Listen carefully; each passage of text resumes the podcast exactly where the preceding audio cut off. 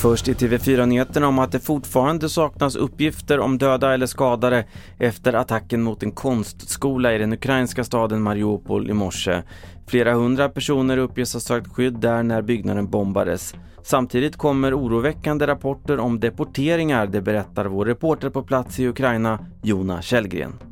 Det handlar först och främst då, enligt de här uppgifterna om att människor har tvingats eh, att föras till Ryssland men även att vissa ska ha tvingats in till ryskockuperade områden i Donbass där de varken får mat eller vatten. Så ytterst eh, problematiska uppgifter om det här är något som stämmer.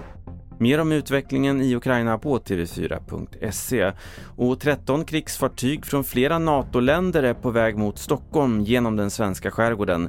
Enligt Försvarsmakten är det ett rutinbesök som varit planerat sedan lång tid tillbaka utan koppling till kriget i Ukraina. Sverige deltar inte i övningen. Och sist om att myndigheterna i Storbritannien börjar ge en fjärde dos covidvaccin i veckan som kommer.